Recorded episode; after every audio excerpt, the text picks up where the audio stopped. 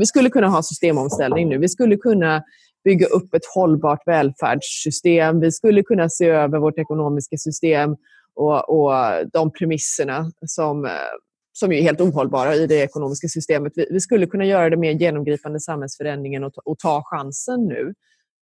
Hej och varmt välkommen till avsnitt 71 av Klimatpodden med mig Ragnhild Larsson.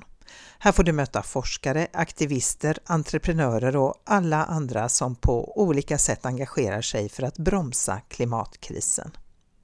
Dagens gäst är Isadora Vronsky, programchef för Greenpeace i Sverige. Isadora har jobbat med internationella miljökampanjer för Greenpeace och Burning Man som är en av världens mest unika festivaler i Black Rock Desert i norra Nevada, där allt innehåll skapas av besökarna själva. Isadora har dessutom varit gruppchef för försvarets kommunikationstrupper och pluggat zoofysiologi, en gren inom zoologin som studerar hur organ och vävnader fungerar hos djur.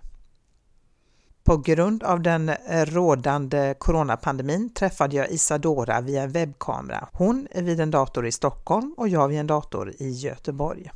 Och ett digitalt möte kan givetvis inte ersätta ett riktigt möte med en annan människa, men jag tycker ändå att det funkar hyfsat. Även om ljudet inte alls blir lika bra, men jag hoppas att ni har överseende med det. Isadora hade också med sig sin lilla dotter under samtalet som du kanske kommer att märka då och då. Det blev ett samtal om hur Isadora hamnade på Greenpeace och vad som driver henne att ägna sig åt klimatkampen. Och vi pratade givetvis om hur klimatkampen påverkas av coronapandemin och om den rent av kan innebära en unik möjlighet att ställa om samhället i hållbar riktning istället för att återgå till business as usual. Och hur skulle ett sådant systemskifte i så fall kunna se ut? Vi pratade också om konflikten mellan ett fåtal företags kortsiktiga vinstintressen mot överlevnad på planeten och om hopp och visioner av ett omställt samhälle. Som du märker är Klimatpodden helt reklamfri, så om du gillar podden och vill stötta arbetet med att göra den så är du välkommen att sätta in en valfri summa, stor eller liten, på Klimatpoddens eget swishkonto 123 396 2974. Och ett stort, stort tack till alla er som valt att stötta Klimatpodden sen sist. Utan er, ingen podd. Och ett annat väldigt bra sätt att stötta Klimatpodden är att tipsa släkt, vänner, bekanta och alla andra att lyssna. Och som vanligt är du välkommen att höra av dig med synpunkter och förslag på gäster till kommande avsnitt. Men nu är det dags att eh, köra igång dagens avsnitt med Isadora Vronsky. Varsågoda! Välkommen till Klimatpodden, Isadora Vronsky. Vem är du? Jag är programchef eh, på Greenpeace Sverige eh, där jag leder vår programverksamhet just nu. Och hur hamnade du på Greenpeace? Ja, det började ju egentligen med ett sommarjobb efter att jag hade gjort eh, lumpen för, ja, det var Eh, tre, fyra, något sånt där. Och ehm, då så, ja, men jag behövde någonting att göra på sommaren och så blev det det här med att ehm, värva medlemmar på, på stan eller som man kanske många har mött. Eh, eh min dotter här i bakgrunden. Ehm, så, att, så att då började jag jobba med det innan jag började plugga och sen så fick jag upp ögonen för att ja, men det är ju faktiskt det är ju faktiskt möjligt att bli aktivist, man kan bli volontär, man kan, ja, man kan, man kan eh, vara en del av den här rörelsen på ett sätt som inte jag hade förstått innan tror jag. Och då började jag med det och så långsamt under årens lopp så var jag med på olika typer av aktioner och gick olika eh, civil olydnadsträningar och båtträningar och blev båtförare och sådär. Och sen så när jag väl hade pluggat färdigt och Eh, då hamnade jag på ehm, FNs världslivsmedelsprogram i Rom, World Food Program. Och efter jag hade varit där ett tag så, så ringde en nuvarande kollega till mig och sa att ehm, du kan ju inte stanna på FN, det är ju alldeles för segt och byråkratiskt och vi behöver dig här. Eh, vi, har en, vi har ett jobb till dig här, så skulle du vilja komma hem? Eh, och då så tyckte jag att det lät... Alltså då, då fick jag någonstans valet och kvalet mellan två olika livsbanor där. Om man ville göra FN FN-livsbanan eller, eller Greenpeace-livsbanan och jag valde Greenpeace. Och det är jag väldigt glad för. Så uh, sen dess har jag jobbat i en mängd olika kampanjer, alltifrån skog, hav, Arktis, kärnkraftsfrågor, mycket klimat och energi under många år. Jag har jobbat på europeisk nivå, internationell nivå och nu precis innan jag tillträdde här som eh, programchef då eh, jag ledde jag vårt internationella eh, arbete med att ställa om finanssektorn. Det låter som en utmaning. Mm -hmm. det minst, ja, verkligen. Det är där det ligger, eh, ja. utmaningen kan man säga. Eh, varför blev det just Greenpeace då? Det finns ju andra klimat och miljöorganisationer. Men för mig så har Greenpeace samma verktyg som alla de andra klimat och miljöorganisationerna i form av man kan skriva rapporter, man kan göra mediearbete, man kan jobba med, nu har det blivit mer och mer, ja men jobba med influencers eller vad man nu gör. Alltså allt det där um, kan, man, kan ju alla göra och gör många. Men det som Greenpeace och nu på senare tid en del andra aktörer, vilket är roligt, um, har är ju civil olydnadsbiten. Det är att man kan gå från ord till handling när det krävs. Det är lite som att göra jämförelse med att om, man, om ett barn är på väg att bli överkörd på en gata så behöver man kanske gå mot röd gubbe så, för, för att förhindra ett större brott från att begås. Så. Och för mig så är situationen i, de, på vår planet eh, och hoten mot samhälle, miljö, ekosystem, våra livsupprätthållande system, de är så akuta att då, det räcker inte riktigt med de här vanliga, lite långsammare processerna för att för att skydda de livsupprätthållande systemen nu utan nu behöver vi ta till alla till stående medel. Ni gör ju civil olydnad på ett lite annorlunda sätt än till exempel Extinction Rebellion som ju bara har funnits då i drygt ett år nu. Eh, alltså ni har mer elitaktivister skulle man ju kunna säga då än eh, en XR där ju idén bygger på att alla i princip ska kunna göra civil olydnad. Eh, nej men vi har väl, alltså så här, civil, civil olydnad har ju, det är ju lite som en del av vårt DNA kan man nästan säga och vi har ju länge hållit på med, eh, vi har ju länge haft så här skepp och, och eh, säkerhetsbiten har väl varit en central del för oss och, och också ska man vara ute, långt ute till havs eller i olika typer av eh, klättra på grejer eller sådär, då behöver man träna, då behöver man verkligen ja, man behöver ha rätt typ av kompetens och insikt för att kunna göra kalkylerade risktagande så. Och det, det kanske är, det är en annan typ av aktioner eh, än XR-aktionerna. Så. Vi, gör, vi samlar ju också människor till massprotest och sådär ibland men, eh, men ja, nej, men det, det, är väl att så, så, så, tror jag också att olika aktörer har olika roller att spela i den större rörelsen så att eh, där kanske vi kommer in med vår långa historia av aktivism och kan bidra på olika sätt. Och,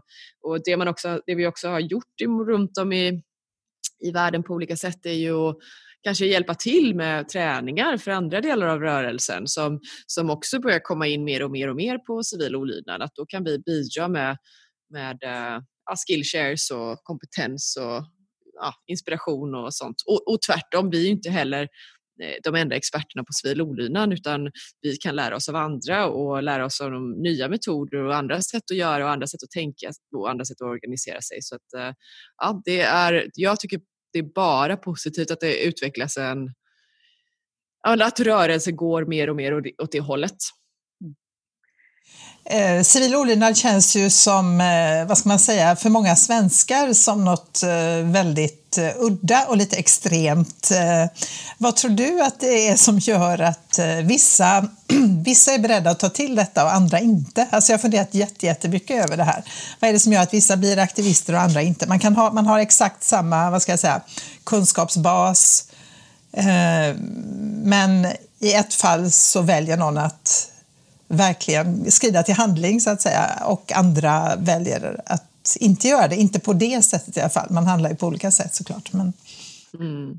Ja, men jag, jag tror delvis så handlar det ju om eh, kulturella aspekter och sånt. Alltså, det handlar att vad man, hur samhället eh, Alltså, I vissa, vissa delar av världen är det ju jättevanligt med hungerstrejk exempelvis eller um, eller man går ut och blockerar vägar på olika sätt i olika, alltså det, det, det är mer vanligt förekommande medan vi har väl varit ett ganska stabilt och tryggt samhälle där vi inte har behövt eh, vi har litat på staten, vi har litat på institutioner, vi har litat på att samhället tar hand om oss på olika sätt. Och vi har kanske inte behövt vara så aktiva i vår, som, som medborgare i Sverige utan vi har, eh, vi har kunnat luta oss tillbaka och, och, och tyckt att det mesta har fungerat så. Eh, och till viss del har det gjort det men till viss del har det inte gjort det. Att det, att det mm, har varit, ja, Uh, och sen så tror jag att huruvida man känner sig bekväm med att ta till civil olydnad eller inte det kan, det kan handla om huruvida den här transformativa upplevelsen av hur akut läget är har, har trillat på plats eller inte. Mm. Om man verkligen känner hotet i, i själ och hjärta eh, på ett sätt som inte märks ute i samhället. För att det, det, här är ju ett väldigt annorlunda hot jämfört med eh, Ja men exempelvis vad vi upplever nu med, med covid-19 situationen och så. Att det, det, det, är inget som är pang bom utan det har smugit sig på länge, det har debatterats, man har, man har kunnat eh, argumentera för och emot och det har, var länge svartvitt och även om det var tusentals forskare mot en så skulle, så skulle det lyftas fram som två sidor i debatten och sådär. Och det här har väl gjort att och plus att det är en obekväm sanning eh, som gör att tar man in budskapets fulla innebörd så, så kan det ju innebära att man faktiskt behöver ställa om sin livsstil på ett sätt som, ehm, som känns obekvämt. Det behöver inte Ja, det, det kan vara en sån sak, eh, tror jag, att vi, eh, vi känner oss inte så hotade. Vi känner oss inte så pressade av det som, som vi faktiskt är. Så, alltså, mm. Sitter man i Australien och när en, en femtedel av all skog har brunnit upp bara under ett år så, så tror jag att man har en annan känsla av närvaro av frågan. Den är mycket mm. närmre. Eller om man översvämningar i Indonesien eller något sånt där. Mm. Då blir det väldigt påtagligt, ja. Um, apropå då corona, vi befinner oss ju nu mitt uppe i den här eh, pandemin. Eh, som på olika sätt förlamar samhället. Hur påverkar den här pandemin klimatkrisen, skulle du säga? Eller alltså arbetet med klimatkrisen? Ja, alltså dels, dels kan vi ju se då att eh, på kort sikt när, när industrin stänger ner, när eh, folk inte är ute och kör bilar eller eh, flyget inte eh, kör på som vanligt, då går ju naturligtvis eh, utsläppen ner på kort sikt. Eh, så. Men huruvida det blir långsiktigt eller inte, det handlar ju lite grann om hur vi väljer att agera på krisen. Vi vet att efter den förra finanskrisen eh, 2008, då gick utsläppen ner eh, temporärt, men sen sköt de i höjden eh, 2010 och det blev en rebound-effekt där eh, som Ja, och sen så var det också fullt med företag som tog eh, chansen att säga att de behövde lätta på restriktioner kring miljölagstiftning, man hade inte tid med klimatarbetet för att det var finanskris och sådär. Och ja, vi, då valde samhället att ehm, eh, rädda fossilbolag och, och rädda eh, banker. Så har vi, inte, har vi inte tid med det utan den här gången så om vi styr rätt eh, så, så, så skulle vi faktiskt kunna det skulle kunna bli en, vi skulle kunna ha systemomställning nu. Vi skulle kunna bygga upp ett hållbart välfärdssystem. Vi skulle kunna se över vårt ekonomiska system och, och de premisserna som, som är helt ohållbara i det ekonomiska systemet. Vi, vi skulle kunna göra det mer genomgripande samhällsförändringen och, och ta chansen nu. Men um, det, vi, vi, är ännu inte i, en, i ett läge där vi kan det, det, det, det återstår att se huruvida våra folkvalda visar den typen av mod och insikt och agerar så långsiktigt som, som, ehm, som krävs. Så att det kan gå åt båda hållen. Så fossilindustrin kräver ju naturligtvis eh, bailouts och eh, ja, det... Är risken stor för att vi återgår till business as usual, tror du? Och kanske ännu värre, tänker jag, att det liksom Ja, nu ska vi verkligen få hjulen att snurra på fel sätt då. Det finns, det finns absolut en överhängande risk till det. Alltså, än så länge har vi sett hur vi har stöttat eh, flygbolag och, och eh, en, även på andra håll runt om i världen, fossilindustri och så, och att man inte villkorat de stimulanspaket och, och åtgärder som man har gjort tillräckligt med klimatomställning på det sättet som man behöver för att verkligen kunna säkra att, eh, omställning. Mm. Så menar, ska, vi, ska vi ge massiva statliga medel nu till, till företag av olika, av olika slag så måste ju då, de, de företagens verksamhet gynna människor och miljö. Alltså när vi går in med statliga medel och räddar dem, när, när vi tar från människor, eh, då, då, behöver det också så gynna människor eh, och miljö. Så den miljö vi är beroende av. Men vi, vi ehm, det finns en del positiva uttalanden från Magdalena Andersson och Per Bolund och sådär. Så, det, det, det, jag tycker vi har en enorm chans, speciellt här i Norden, att visa, eh, visa hur en ny skandinavisk modell skulle kunna se ut. En, en, en modell som gynnar människor och miljö, ett eh, grönt folkhem, ett, eh, en, en ny värld där vi har mer tid för det som är är viktigt. Våra relationer och att spendera tid i naturen och sådana saker, kultur. Istället för att eh, snurra runt i någon konsumtionshetshjul som är artificiellt skapat eh, för att eh, ja, gynna ett fåtal eh, stora aktörer eh, helt enkelt. Så det, det, är liksom nu, nu är det ett fåtal företags kortsiktiga vinstintresse mot eh, överlevnaden på planeten för ja, hela samhällen och oss som individer och så. Det är där vi står. Hur ser du på möjligheten för er att bedriva aktivism och civil olydnad nu? Vi har ju jobbat online ganska länge med, på, med olika engagemang och sådär och vi har också um, vi har ju, vi, dessutom på Greenpeace är vi ju organiserat som ett nordiskt kontor så vi, vi träffas ju varje vecka med våra nordiska kollegor på, på videokonferens och det har vi gjort sedan eh, inte, 90-talet kanske, nej, början på 2000-talet i alla fall. Så, att, eh, så att vi är ganska vana vid att, att, jobba digitalt på det sättet. Och så.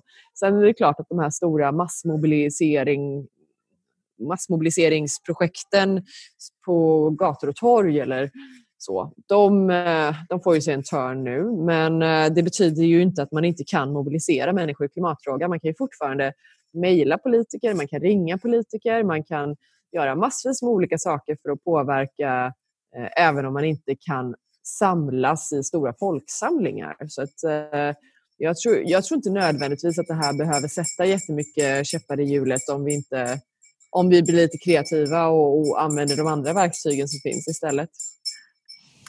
Eh, ser du också att det är en möjlighet, eh, alltså att människor faktiskt får tid att reflektera och tänka över? Alltså det skapar ju en större krismedvetenhet kanske, tänker jag, och för mycket av problemet verkar ju vara att vi på något sätt springer på i våra ekorrhjul. Vi jobbar mycket för att sen kunna konsumera mycket och resa och nu avstannar allt det där. Och då tänker jag att det kan också bli, en, eh, blir så att människor faktiskt börjar fundera över vad som är viktigt på riktigt och kanske blir mer mottagliga för att ta till sig klimatkrisen och då förhoppningsvis sen engagera sig. Verkligen. Eh, alltså jag, jag tror precis att det har varit ett av de stora problemen. Alltså, från, ehm, från politiskt håll och från företagens håll och sånt så har man ju sagt att nej, det är helt omöjligt och ställa om samhället. Vi kan ju inte stoppa samhället och så. Och nu har vi sett att det är fullt möjligt att agera kraftfullt på en kris när det krävs. Och klimatkrisen eller, eller biodiversitetskrisen eller de andra planetära kriserna, de, de är precis lika allvarliga. Så det här argumentet att, att eh, det inte går har på något sätt försvunnit. Världen kan samlas och agera kraftfullt när, när det krävs. Och nu när vi då får den här pausen, det här um, ja, tid för reflektion och så, då, då tror jag att många också känner att det blir väldigt tydligt. Vad var, vad var det för konsumtion som jag inte kunde vara utan? Vad är det för konsumtion som jag verkligen inte behöver? Lite på samma sätt som man, om man går ut och kampar i, i naturen en helg så så känns det väldigt konstigt att slänga plast i, rakt i naturen eller gräva ner eh, gift eller slänga batterier. Så. Men när vi är mitt uppe i ett system i våra urbana, många av oss urbana miljöer och så där, då, då, man blir så frikopplad. Eh, det är lite det här med att barn inte förstår att en fiskpinne kommer från en fisk. Så. Att man inte förstår hur, hur, eh, hur de här livsupprätthållande systemen som vi är en del av hänger samman med vårt liv och att vi är kolatomer och sprider en massa gift i naturen så, så, kommer, så kommer det att påverka oss också. Sprider vi antibiotika i naturen påverkar det oss. Så jag ser väldigt mycket stora diskussioner både om eh, Ehm, jordbruket, självhushållning, hela den här just-in-time-ekonomin. Ska man skicka varor över halva jordklotet eh, fram och tillbaka? Ska vi, ska vi skövla Amazonas för att odla soja som vi matar europeiska kor med eh, så att vi kan eh, äta mer kött än vad vi behöver och sen bli överviktiga. Och, eller, alla de aspekterna men också, men också ja, eh, vad, vad behöver man resa över halva jordklotet för att hitta lycka och, och, och, kunna slappna av eller, eller kommer man kunna, kan man segla i skärgården eller kan man eh, ta, gå ut i närmaste naturområde och och hitta samma avslappning där? Är det, jag tror att vi, det är mycket som kommer att... Vi, vi har verkligen tid att ställa oss djupa frågor nu kring, kring många av samhällets olika strukturer då, och var det här neoliberala, kapitalistiska eh, systemet som vi haft ett antal årtionden, vad, vad det har drivit oss till och hur sjuka både vi och vår miljö har blivit av det. Hur dåligt vi mår, hur, eh, ja, hur stressade vi är och hur, eh, hur dysfunktionellt allting har blivit när vi inte får koppla in mot det som är, det som är oss, det, det, de stora systemen som vi är en del av. Ja, så det finns onekligen eh, en del möjligheter i den här krisen också. Ja, det, jag tror absolut att, att det finns möjligheter här. Eh, det handlar bara om att eh, våra folkvalda måste känna, alltså Magdalena Andersson och, gänget på Finansdepartementet måste känna att de har opinionen med sig när det gäller klimatomställning. De har opinionen med sig när det gäller att, att ta nya radikala grepp i, i samhällsinvesteringar och hur man, vad det är för typ av jobb vi premierar och, eller vad det är för arbetsmarknadsåtgärder vi, vi premierar. För det, självklart så handlar det inte om att sätta natur före människor, utan det, det, är precis tvärtom. Det handlar om att skapa långsiktiga jobb, långsiktiga sysselsättningsmöjligheter, meningsfulla jobb, komma bort från, från det, det osunda, det ohållbara, det kortsiktiga, det, det stress, uppstressade, uppstrissade och, och att eh, ja, men bygga ett, det är ett nytt samhällsuppbyggnadsprojekt vi har framför oss nu igen.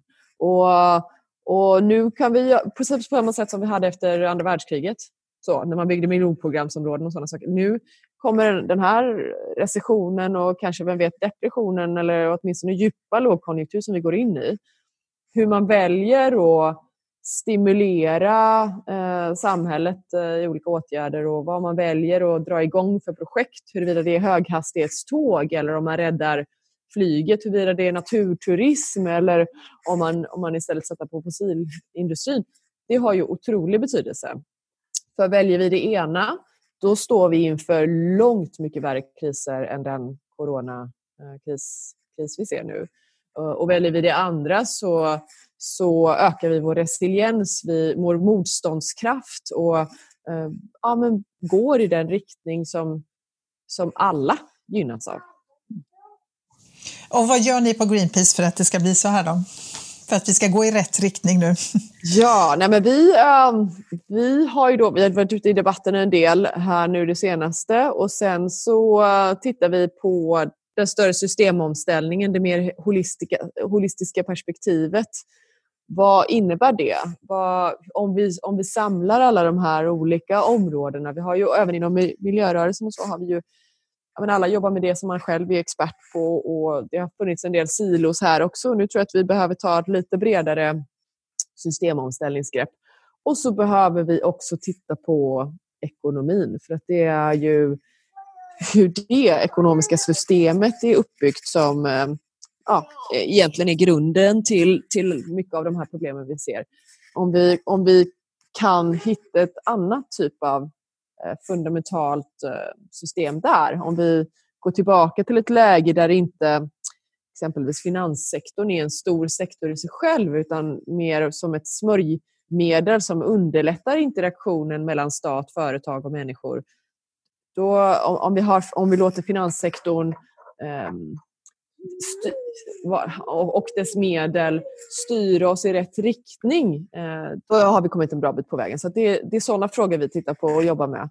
Både ja, med systemomställningen när det gäller de, de bredare sektorerna som ja, men jordbruk. Hur ser vi till att nu, vi nu skyddar ekosystem? Om vi ska skydda 30 procent av, av um, all yta på land och 30 procent av haven exempelvis. Vad, vad finns det för vad, kan det finnas arbetstillfällen som kommer ur det? Eh, vad behöver man göra för att underlätta för vad, vad finns det för jobb i att eh, säkra biologisk mångfald? För jag, jag, tror ändå att vi behöver ha med oss eh, sysselsättningsperspektivet i det vi gör nu för att det är det som, det är det som alla, ja, men, naturligtvis oroar människor, och, eller efter pandemin då, men, men på sikt här nu så är det ju det som som kommer eh, oroa människor. Alla kommer undra hur får vi fart på ekonomin, hur skapar vi arbetstillfällen? Och då behöver de arbetstillfällena kanske vara inom områden som eh, att, att man, eh, ja, inom den förnybara ekonomin exempelvis, att man ehm, forskning och utbildning eller omställningskurser så att folk som jobbat inom fossil industri kan bli, eh, hålla på med solceller eller vindkraft eller olika typer av ehm, restaurerande, naturvård, sådana saker. Att vi tittar på vad, vad är det för typ av samhälle vi vill ha, vill ha och vad, vad är det då vi behöver satsa på och vilka jobb är det det kräver istället för att bara rädda det som är. Jag menar, självklart så är Volvo och SAS och så, det, det är stora, eh, stora ans eh, de har många anställda och det är ett snabbt sätt att, att rädda anställningar och bara korttidspermittering och sådär. Men vi, vi behöver omställningskrav för om, om inte de eh, driver på för utvecklingen till ett hållbart samhälle, då, då, är, då skjuter vi oss själva i foten när vi går in och, och eh, stödjer dessa företag. Mm. Så hårdare politisk styrning helt enkelt då? Ja, och, och smart styrning. Mm. Alltså långsiktig styrning. Man behöver titta på liksom så här, man behöver titta på vilken, vilken, um, vilken riktning man ska ha. Så här, hur långsiktig är den här satsningen? Om man, om man stöttar ett företag som om 5-10 år eh, inte dess affärsmodell aktuell längre för att den är så ohållbar, då, då, är, då, kast, då låter man samhället bära en, eh, alltså ta jättelika lån och bära skuld för att rädda ett företag som faktiskt inte tjänar för eh, samhället. Så att, eh, det är lite där man måste, måste titta på, på det hela. Att, att, och också för en gångs skull, jag menar, det är ju, komma bortom det här med mandatperioder och det kortsiktigheten i politiken. För det är också det som eh, har eh, varit en stor skugga i, mycket av arbetet, att man inte vågar ta de här långsiktiga perspektiven. Så. Men med nuvarande...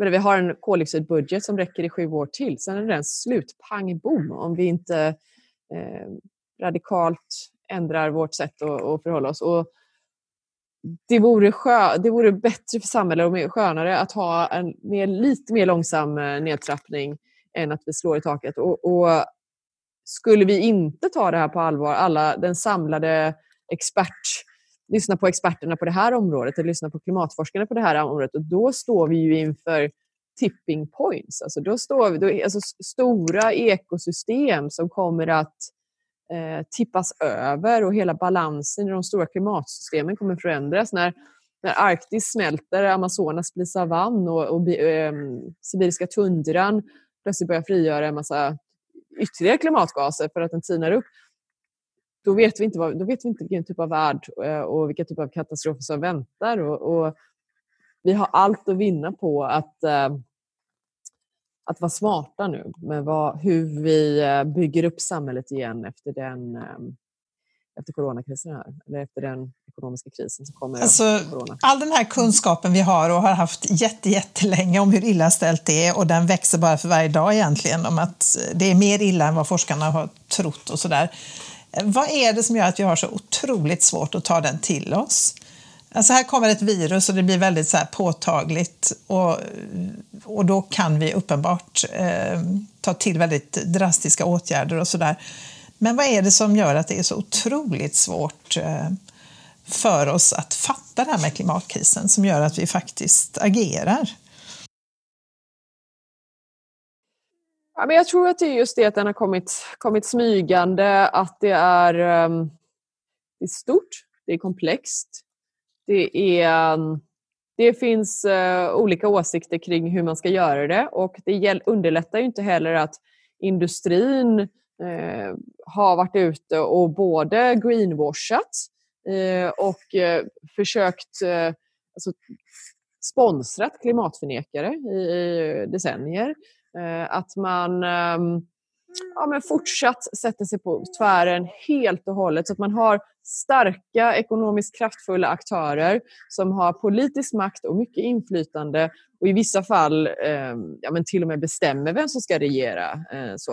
Eh, att, att de eh, gjort allt de kunnat hittills för att, för att ställa sig emot eh, krisen. Det, Eh, och krismedvetenheten, det, det har ju naturligtvis eh, haft väldigt stor betydelse. Ehm, sen så, ja, alltså, vi ser ju ändå att det finns opinion i klimatfrågan. menar, tittar man på Eurobarometer eller så här, folk är oroade. Det här är den, den, det som folk är mest oroade för med sin, med sin framtid. Och, och jag menar förra året 7,6 miljoner människor var ute och demonstrerade på gator och torg och, och inte minst ungdomar då um, visar ju också på att eh, det, är, ja, det är ett litet gäng med mycket makt och det är deras kortsiktiga vinstintressen som, som ehm, ja, får styra agendan väldigt mycket och, och lägga locket på det som faktiskt den bredare opinionen egentligen vill. Och sen tror jag att man kanske i Sverige upplever att jo, men vi gör väl väldigt mycket och vi är så bra. Och vi är så, alltså man inte riktigt ser vad vi skulle kunna göra. Och att eh, våra mål här faktiskt inte är i linje ens med vad forskarna rekommenderar. Jag menar, vad, de, det som vi säger att eh, vi driver på för i EU när det gäller eh, klimatminskningar med, med de målsättningarna så, så upplever vi inte upp till 1,5-gradersmålet. Så att även om ja, det är svårt att avgöra vad som är retorik och vad som är riktigt och, vad, och sen är hela svenska industrin ute och säger att vi är bäst i världen och sådär, samtidigt som man inte... det är svårt för människor att, att äh, orientera sig i det här skulle jag säga. Äh, och, och vi har ju inte heller dagliga presskonferenser där klimatforskarna uttalar sig om läget. Hade vi haft det så, så hade det kanske varit ett annat läge. Jag menar, hade vi tittat på ja, men mängden människoliv som redan nu eh, spills i luftföroreningar eller eh, olika typer av klimatrelaterade katastrofer. Eller sådär. Det, det, är, det är stora mängder. Det är massvis med människor som, som dör redan idag och, och fler lär det bli. Så. Mm, jag vet ju att du var engagerad, eller Greenpeace eh, är engagerade i, i Preems utbyggnad i Lysekil.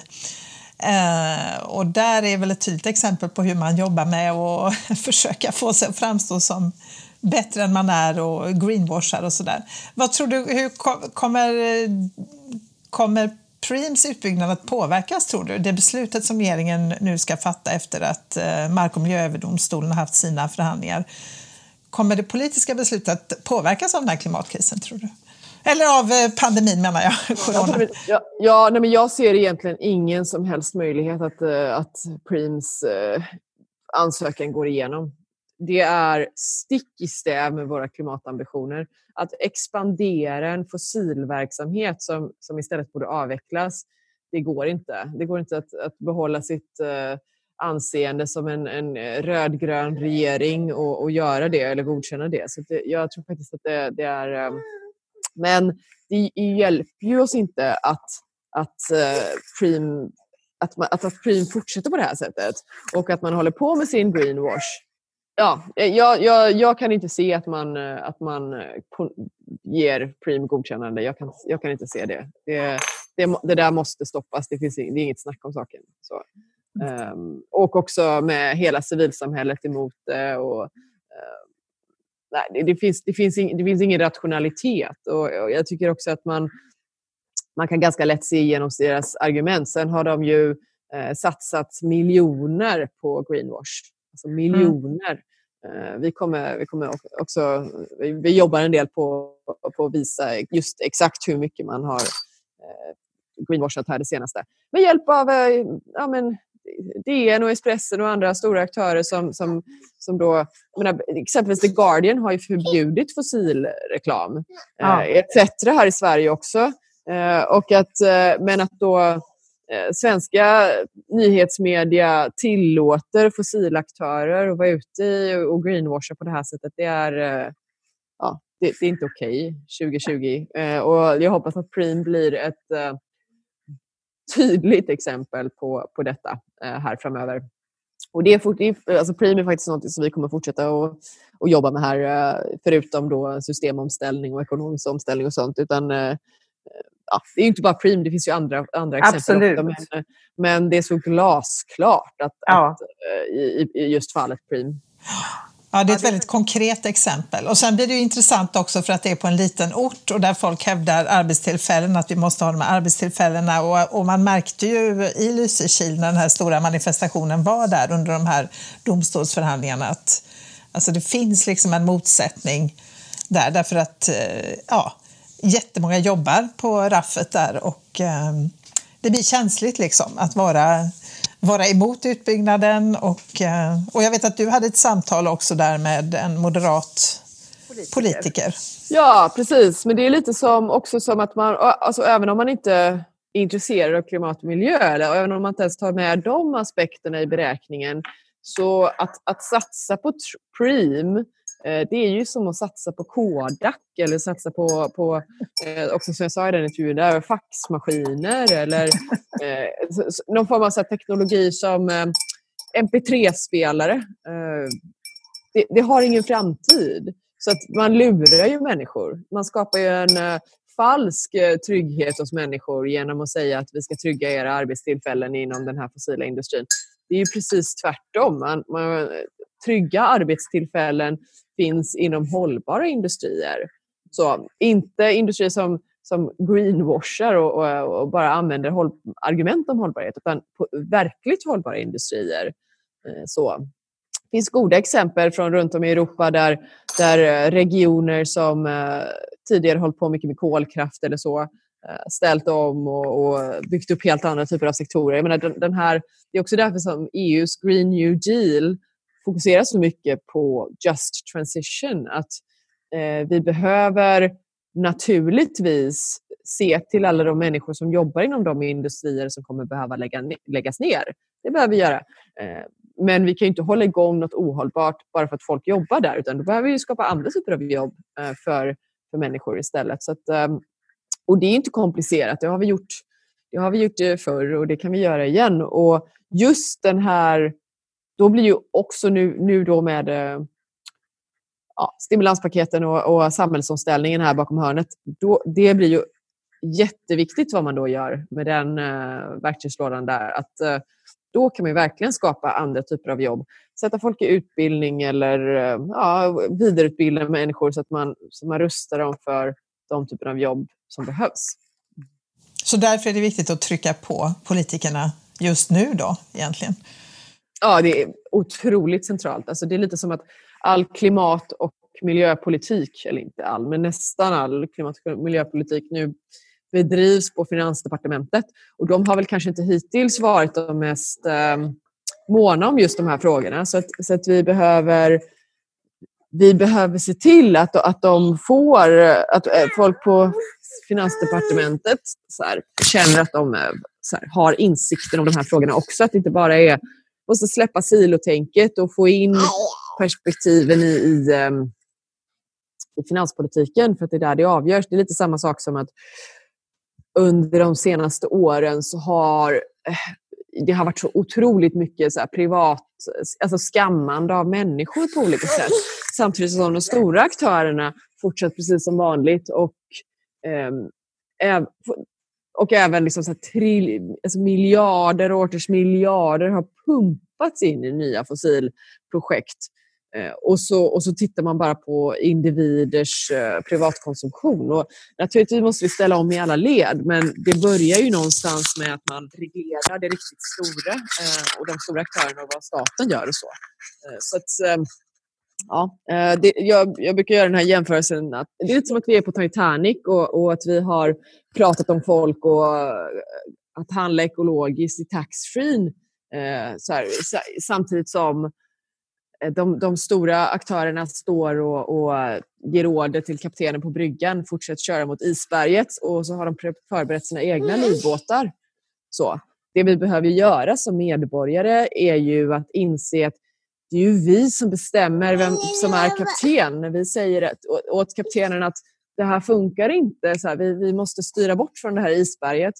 Det, det, är vi som har den makten. Där ligger vår makt. Vi, vi, vi har blivit reducerade till konsumenter i det här neoliberala narrativet som har eh, rådit. Och det är där vi behöver hitta ett annat narrativ, en annan story eller, om oss själva och vår roll i samhället som aktiva medborgare som skapar samhället. Och det, det tror jag också att eh, coronakrisen kan hjälpa till med. När, när folk på olika när folk håller på och hjälper till att göra sån här visir och skyddsutrustning och hjälper till och hjälps åt och man agerar i solidaritet med andra och sådär. Plötsligt så inser man att man är en del av ett system och vi behöver hjälpas åt. Man hjälps åt att handla oss åt eh, gamla och riskgrupper och sådär. Det, det är där, det är så ett samhälle funkar så. Alltså Boris Johnson nu exempelvis sa uh, not society eh, som någon form av motargument, eller inte motargument men Thatcher hade ju tidigare sagt så här, there, is, there isn't such a thing as society, there are only individuals. Mm. Och jag tror att vi håller på att lämna det. Vi hade, håller på att lämna individualismen och vi måste så här, hitta andra ord än kanske det som... Alltså, det är som att ordet kollektiv förknippas med eh, någonting mossigt, grönt, eh, 70-talskommunism. När det, det, när det, inte, det är inte det det handlar om. Det handlar bara om att vi behöver eh, Eh, hjälpas åt. Eh, att, att vi, vi kopplade, vi hänger ihop som människor. Nej, vi är väl väldigt vana vid att eh, det räcker att gå och rösta vart fjärde år liksom. och så lever vi våra liv i våra enskilda små celler på något sätt. Och att nu behöver vi agera tillsammans och inse att vi, alltså både en möjlighet tänker jag, att vi faktiskt har större eh, makt att påverka än vi kanske tror. Eh, och ett ansvar också såklart. Eh, det hänger ju ihop. Precis. Alltså, så här, det, nu plötsligt så blir det väldigt tydligt att det spelar roll hur man röstar i landstingsvalet. Exempelvis. Vem har, vem har i ärlighetens namn varit speciellt insatt i de frågorna? Eh, så man, man, får det man röstar fram och man får den politik man, vi, vi väljer. Vi får ett så aktivt eh, samhälle som vi, som vi väljer att vara. Det är vi som är samhället på något sätt. Eh, du, i dessa eh, dystopiska tider, vad, vad ger dig hopp? Nej, men för mig så känns det ju, alltså det, den här, det stora hoppet är ju att det som alla sa var omöjligt är plötsligt möjligt. Så här, vi, vi har fått ett glasklart exempel på att ja, vi kan agera kraftfullt på kriser som, eh, som, som hotar oss. Det är ju det största hoppet tycker jag. Och, och den här um, solidariteten som människor visar med varandra, att, att människor faktiskt hjälps åt. Det, det ger mig väldigt mycket hopp. Och, och, att, och att de större systemomställningsfrågorna är på agendan. På mm. agendan. Alltså vi är det, man diskuterar saker som för ett par år sedan kändes som eh, omöjliga eller lång, långt ut eller väldigt för visionära på något sätt. Nu, nu, nu pågår nu, nu är det realpolitik på något sätt. Och det, eller kan bli realpolitik och det, det ger mig hopp. Det ger mig också hopp eh, med, med förra året, redan innan allt det här, med att tittar man på, på statistik eh, kring hur unga eh, röstar Brexit eller USA eller, eller här eller vilka som Fridays for Future. Så här, det ger mig hopp. Kommande generation vill ju se förändring. De, eh, de, vill, inte, de, vill, inte, de vill ha en framtid. Det är väldigt hoppfullt. Och snart har alla, Greta och alla hennes, eh, hennes anhängare, man ska säga, nu har de rösträtt snart också. Exakt. Mm. Exakt. Min farmor och farfar kom till eh, Sverige efter andra världskriget, 46, eh, eh från Polen. Och eh, jag tror ju väldigt mycket att det är viktigt att aldrig ge upp. Eh, att det här med ja, despair, alltså att man eh, på något sätt ger upp hoppet, det är en av de eh, farligaste hoten också. Så att man, att, eh, det, det, finns alltid eh, chanser till att saker och ting ska bli helt annorlunda. Det finns ett samhälle bakom hörnet som vi inte ens kan föreställa oss nu. Det, det finns eh, skeenden i världen som vi ja, eh, aldrig hade kunnat, kunnat föreställa oss. Men titta på coronakrisen, det är ju jättetydligt. Så här. Plötsligt händer någonting. Så. Vad får dig att tappa, nu tappar du inte hoppet då låter det som, men vad är det som får dig att eh, ja, känna någon sorts förtvivlan om att nej men det här går ju inte, det här går åt skogen? Det är ju oroväckande när, um, när vi på demokratisk väg uh, runt om i världen väljer in eh, ledare som sen eh, gör om samhället till mer eller mindre diktaturer eh, Ungern eller Brasilien. Och så. Alltså det, det är oroväckande. Det är oroväckande med eh, hänsynslösheten och i, i företagen som, eh, ja, som, som, som, på något sätt inte tar det minsta hänsyn till, eh, helt skrupellöst eh, förstör för sin egen vinning. Det, det, är, eh, det är oroväckande. Um, det är också oroväckande med eh, ja, men att man håller så hårt i, i, eh, i det gamla. Att man, inte, att man inte kan... Om det nu är så att man tycker att det är jätteroligt med business och, och tjäna pengar på saker och ting, men då kan man ju välja att göra det inom områden där, som är hållbara. Så att, alltså man, man borde rimligtvis inte behöva basera sin, sin verksamhet på saker som är direkt skadliga. Så. Men vi är fortfarande en ganska lång väg ifrån att uh, ja, det, vi har en lång väg att gå. Men, men det, det, finns också, det finns också mycket hopp. Så att, eh, det, man kan liksom så här, kan, ibland kan man ta ett... Kan man, eh, ibland kommer sådana katapultögonblick där man genom att använda språngbrädepunkter eh, faktiskt kan tippa hela systemet på ändan. Så. Många menar ju att vi eh, behöver fler berättelser och visioner om hur det här omställda samhället ska se ut för att veta liksom vart vi är på väg. Eh, har, du, har du någon sån där vision av hur det omställda samhället ser ut? Ja, nej men, eh, min vision är väl att det är väl inte, det är väl inte att vi, det kommer vara jätteannorlunda från hur det är nu egentligen så, utan eh, folk kommer gå till jobbet och ha ett jobb. Man kanske kommer jobba lite mindre. Man kanske kommer jobba inom sektorer som inte eh, tillverkar skit som vi inte behöver för material och resurser som vi inte har eh, och orsakar stora utsläpp. Utan man kanske, det kanske är mer av en ekonomi baserat på, på tjänster av olika slag. Eh, det kanske är så att man har eh, nu ser behovet av att satsa på vård. Eh, man kanske, det kanske är fler som är förskollärare än som jobbar i tung industri och sådär. Och, och sen så tror jag också att vi, vi kommer behöva transportera oss på olika sätt. Men, men det betyder inte nödvändigtvis betyda att alla äger en och en halv ton stål eh, som står stilla eh, majoriteten av tiden. Utan det handlar mer om att man har access till, eh, till rätt typ av eh, transport när man behöver det vi kommer äta mer, eh, mer ekologiskt och hållbar och näringsrik eh, mat, mer lokalproducerat och mer växtbaserat. Så det är inte, det är inte jättekonstigt heller. Det gjorde vi ju innan. Sen har vi ju på något sätt anammat eh, kulturella företeelser som vi nu tror är vårt sätt att leva som, vi, som ju vi, när vi äter tre gånger mer kött än vad vi gjorde på 50-talet och sådär med hjärt och kärlsjukdomar och sånt som följd. Alltså det är vi, så det, vi kommer vara, det kommer vara ett mer hälsosamt liv eh, med mer tid för nära och kära. Eh, ja, man kommer kanske ha sitt jobb. Det kanske, vem vet, eh, blir det, det kanske finns olika typer, att man kanske ser, ser över socialförsäkringssystemen. Det är mycket prat om basinkomst runt om i världen. Man testar det på olika sätt. kanske blir något sånt istället. Men ehm, ja, det återstår att se. Men, men i grunden så har vi nog ett system som funkar ganska bra här om vi skalar bort de totalt onödiga excesserna. Eh, man, man kanske inte alla håller inte på och reser till möten över hela världen fram och tillbaka. Utan man tar det på videokonferens för att nu har vi sett att det funkar ju alldeles utmärkt. Vad skönt, slapp man den transittiden och hade mer tid för nära och kära. Ehm, ja, lite, lite så att jag tror inte att det är ehm,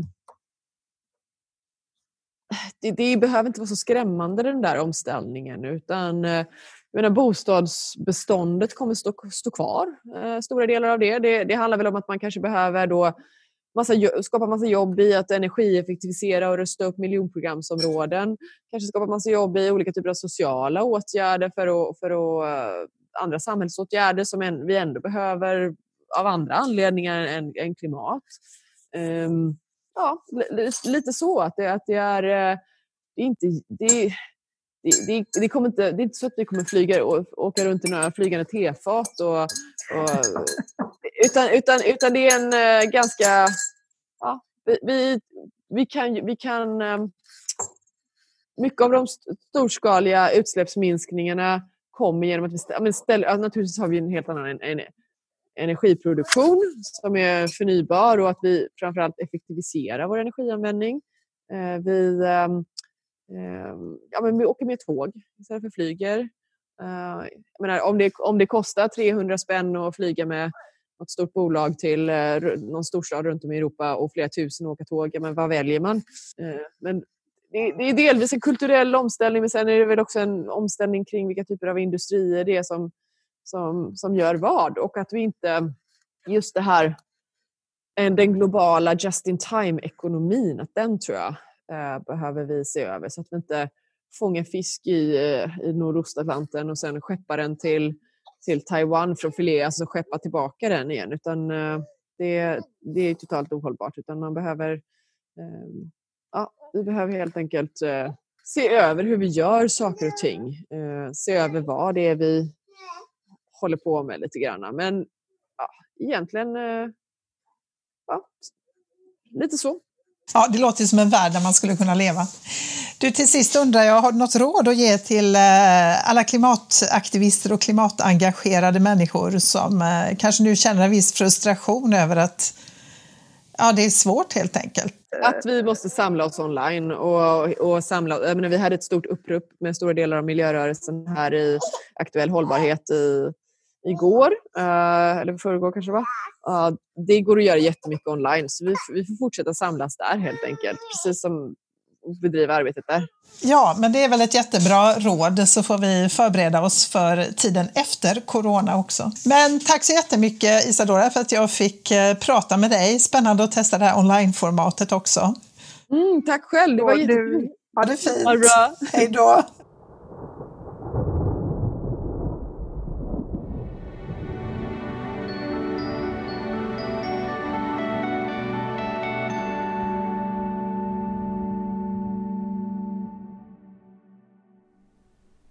Du har lyssnat på Klimatpodden som produceras av Konvoj Produktion. Gäst i dagens avsnitt var Isadora Wronski. Du hittar mer information om eh, Klimatpodden och dagens avsnitt på hemsidan klimatpodden.se. Klimatpodden finns på alla ställen där poddar finns och du kan följa podden på Twitter och Facebook. Signaturmelodin är skapad av Tommy Kaså och loggan till Klimatpodden är gjord av Hannes Larsson. Om du vill stötta arbetet med att göra podden som är helt reklamfri så är du välkommen att swisha valfri summa till 123 396 2974.